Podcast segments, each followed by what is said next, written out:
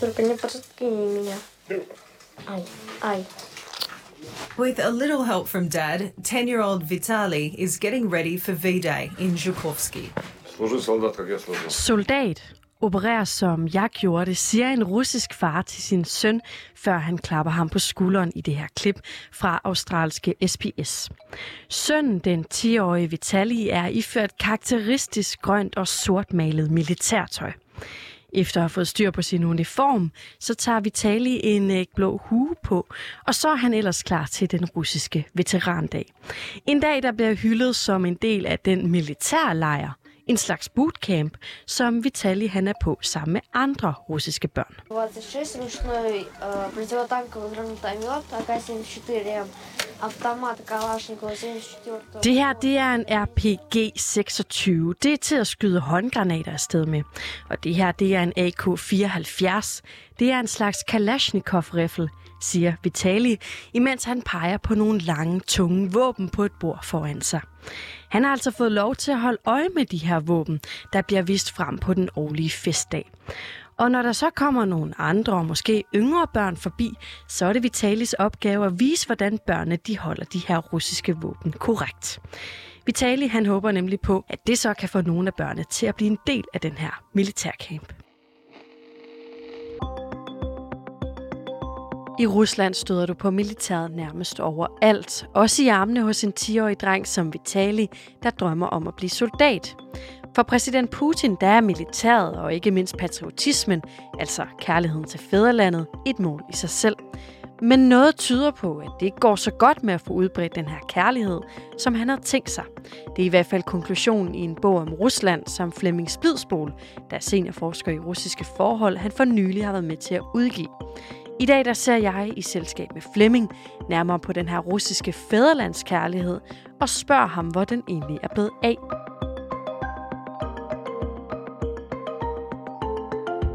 Det her er Udsyn med Sofie Ørts. Flemming, hvorfor er det egentlig, at du synes, russisk patriotisme det er så interessant, at du skulle være med til at skrive en bog om det? Det er fordi den russiske patriotisme, øh, og jo til dels også militarismen, er til stede i det russiske samfund. Øh, hvis man er i Rusland, så ser man det meget tydeligt. Øh, det er i gaden, gadebilledet, man ser det sådan rundt omkring, og det kan være, at man ser folk i uniform, det kan være, at man ser udstillinger, det kan være, at man ser nogle af de nye statuer, der er sat op, eller hvad det nu skulle være. Men det er ret tydeligt. Og selv når man ikke er i Rusland, hvis man følger de russiske medier, øh, ser russisk tv, øh, måske øh, læser nogle af de nye russiske tidsskrifter eller blade, der kommer ud, sådan, så vil man også kunne se, at der er sket et eller andet, at, øh, at sådan patriotismen fylder meget mere, og det russiske forsvar har fået en meget mere prominent rolle også. Flemming Spidsbol, han er for øvrigt ansat hos øh, DIS, hvor han forsker i russiske forhold. Og så har han for nylig været med til at udgive den her bog, der hedder Rusland som militær stormagt. Flemming, er der noget i din research til den her bog, der har overrasket dig? Noget af det, som overraskede mig, måske det er, det er en erkendelse i Rusland af, at det ikke rigtig virker, i hvert fald ikke helt, som man gerne ville. Og der skal vi måske starte med at sige, at, at når man fra officielt hold ligesom ruller sådan en stor patriotisk bølge ud, så er det jo for at, at samle folk omkring staten og få dem til at støtte staten, og jo måske til dels også støtte Øh, det styre, der er nu under præsident Vladimir Putin. Men, men det er også sådan, at, øh, at støtte de militære forhold i landet, altså støtte måske indirekte, at man har et meget stort forsvar, at forsvaret koster, øh, at man bruger penge på forsvaret snarere end på nogle andre forhold, og jo også, at man, man mere direkte kan få folk til at melde sig til forsvaret, til at blive aktive i forsvaret, tegne en kontrakt med forsvaret. Og der er jo, der er jo værnepligt i Rusland, der er stadigvæk en del, der forsøger at undgå værnepligten, men når de så er kommet ind, så vil forsvaret have en interesse i at tegne kontrakt med nogle af dem og, og få dem til at, at fortsætte. Og, og der kan man ligesom ud af litteraturen se, at, at der er en debat der, som siger, at det virker ikke helt. At vi, vi opnår ikke helt det, vi gerne vil. Vi får ikke folk til ligesom at samles omkring staten og omkring forsvaret, som vi ønskede. Men kommer det bag på dig, at den her russiske strategi for øh, patriotisme, den til ikke virker? Ja, det, det gør det lidt. Øh, og, og, og samtidig, nu taler jeg om det, om, om, når man er i Rusland, at man kan se det meget tydeligt. Men i Rusland, når man er der, kan man jo også se nogle andre tendenser. Og det er jo en stigende individualisering i samfundet. Det er fokus på forbrugsgoder.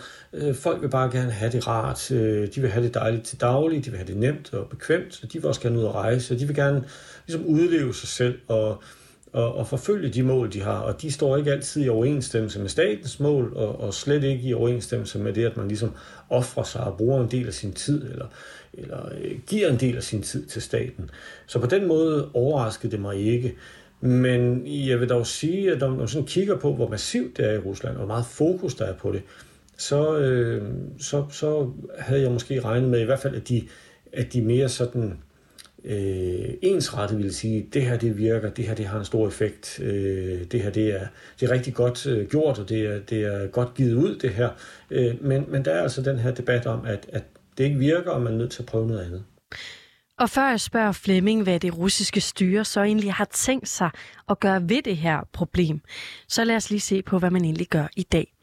Her får du et eksempel fra 2018, som viser, hvad staten egentlig gør for på en eller anden måde at vække russernes kærlighed til sit fædreland. Пересвет, Посейдон и Буревестник. Такие имена получили новый боевой лазерный комплекс, беспилотный подвод. Her blev en offentlig afstemning nemlig gennemført. En afstemning om, hvilke navne man skulle give til tre nye militære våbensystemer. Flere end 7,5 millioner russere deltog i den her afstemning, som blev sat i gang af præsidenten selv jeg ser det som et forsøg på ligesom at, at trække befolkningen ind, øh, gøre det til et, øh, et offentligt øh, spørgsmål, øh, skabe en tættere forbindelse mellem forsvaret og befolkningen, mellem det politiske system og befolkningen. Så Putin står altså her i, i, i 2018, og så siger han, nu kommer der de her nye store våbensystemer, og han viser sådan nogle øh, animationer, der viser missiler og så videre. Og så siger man, nu skal vi finde ud af, hvad de skal hedde. Øh, og Forsvarsministeriet har øh, lagt noget ud på hjemmesiden, og der kan I gå ind og komme med forslag, og I kan stemme på nogle af de forslag, der er kommet osv. Og, og det er ligesom en måde at få, få befolkningen med og gøre det mere folkeligt, men også jo selvfølgelig skabe en tættere forbindelse mellem øh, borgerne, dem der betaler skatten, og så, øh, og så forsvaret.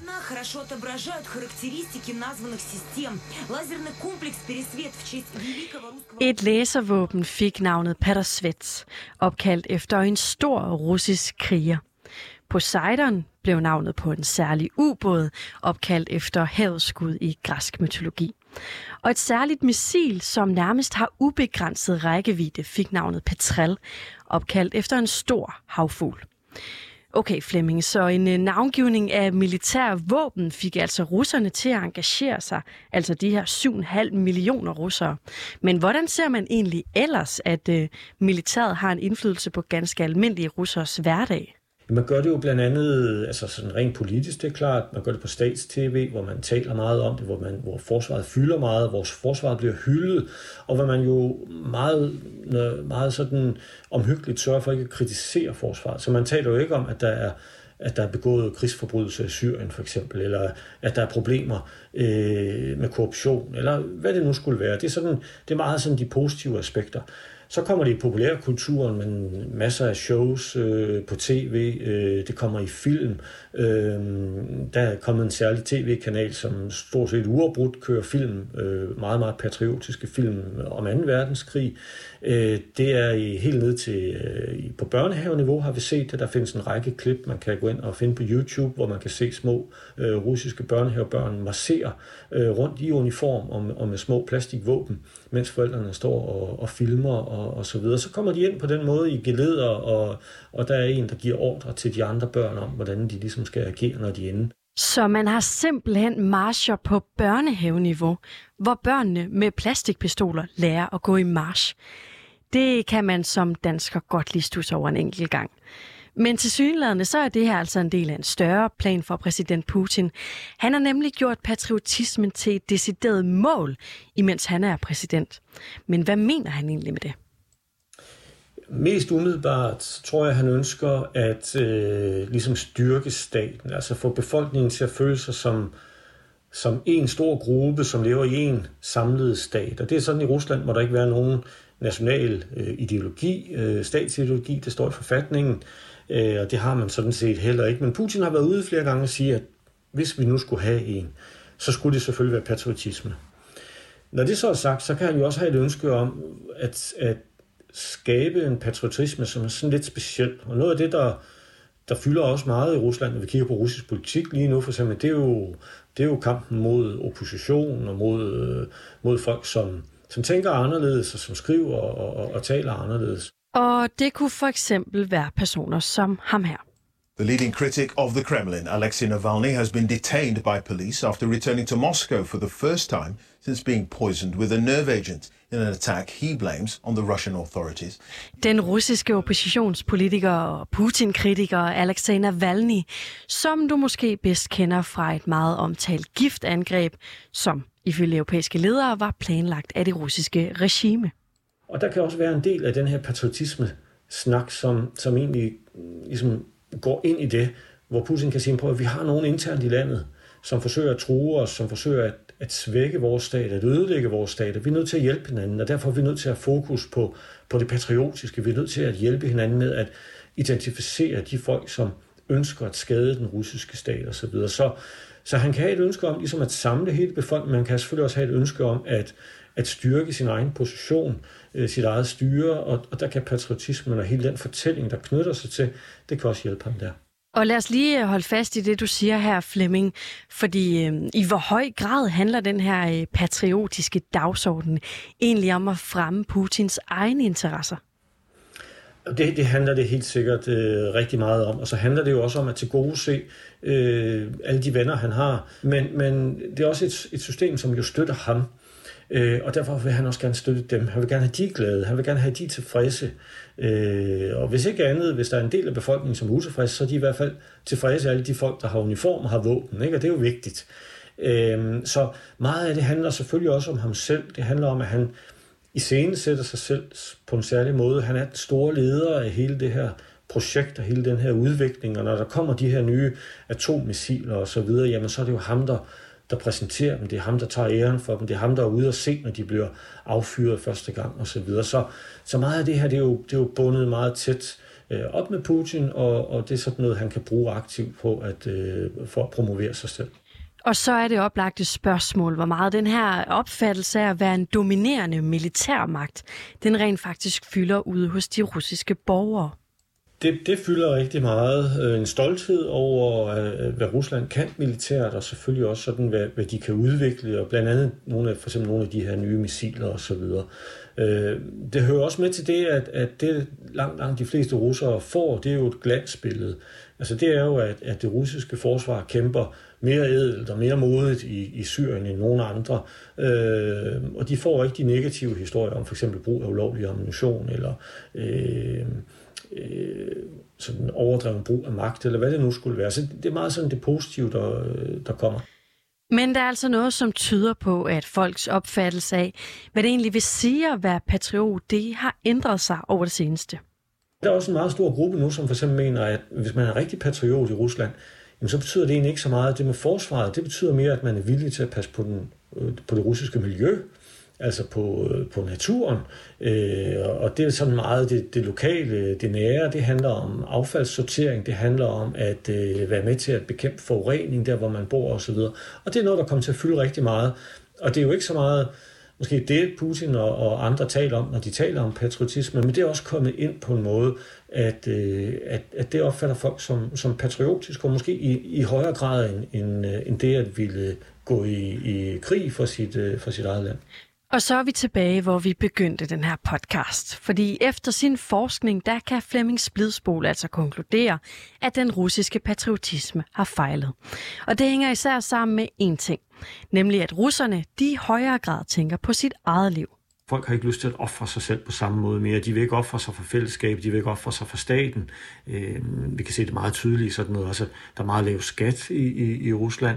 Øh, folk tænker, jamen, øh, folk må selv klare deres problemer. Øh, jeg, har mit, øh, jeg har mit liv, og jeg skal udleve mit eget liv og sådan noget. Det kommer til at fylde meget, meget mere. Hvor man jo tidligere har fokuseret meget på det kollektive, øh, og det gør man også stadigvæk fra officielt hold. Men, men virkeligheden er jo, at, at det i meget højere grad er blevet sådan individualistisk. Og, øh, og det betyder også, at, at folk i nogle af det er jo så unge mænd, øh, i mindre grad har lyst til at trække i uniform og gå i krig i Syrien eller andre steder. Øh, det kan godt være, at de synes, det er fint nok, at Rusland er i krig, men der er altså nogle andre, der skal gøre det, for jeg har ikke lyst til selv at gøre det. Og her spiller den vestlige kultur faktisk en rolle. Fordi ligesom Vesten også lader sig inspirere af russerne indimellem, så fylder amerikanske film, britisk musik og andre former for vestlig kultur altså i det russiske samfund.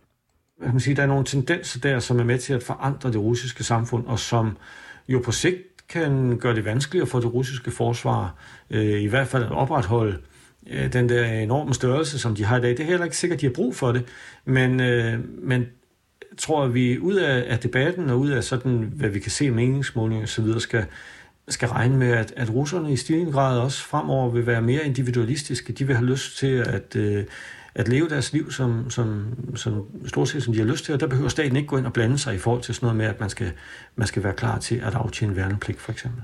Okay, så selvom Putin og den russiske stat altså har rullet alle de her initiativer ud, der netop skal være med til at gøre folk patriotiske, altså få en kærlighed til fædrelandet, så ser vi altså ifølge Flemming Splidsbol i hvert fald ind i en fremtid, som slet ikke stemmer overens med det. Flemming, ved Putin, at det går den her vej? Ja, det gør han. Det, det er helt sikkert. Det, det er jeg overbevist om, at han selv kan notere, øh, når han er ude. Øh, og, og hvis ikke, jamen, så har han gode rådgiver, der kan sige det, og han har også nogle folk, der laver meningsmålinger for ham, og nogle sociologiske undersøgelser. Han har jo et kæmpe apparat bag sig, og de forsøger selv at måle den her udvikling. Så, øh, så de ved jo godt, øh, hvor det går hen. Øh, og, øh, og det kan også være, det er derfor, han forsøger med noget af den her øh, ret tunge patriotisme, ikke? som sådan lidt øh, brutalt bliver hældt ud over det russiske samfund. Som jeg sagde tidligere, den fylder rigtig, rigtig meget. Og måske tænker man inden i Kreml, at, øh, at for at opretholde det ligesom niveau, vi har haft hele tiden, jamen, så er vi nødt til simpelthen at fylde noget mere på. Vi er nødt til at gøre det mere, øh, mere tydeligt, endnu mere tydeligt, øh, for ligesom at, at forsøge at gå ind og påvirke folk. Så, så jeg er sikker på, at han, han er klar over det.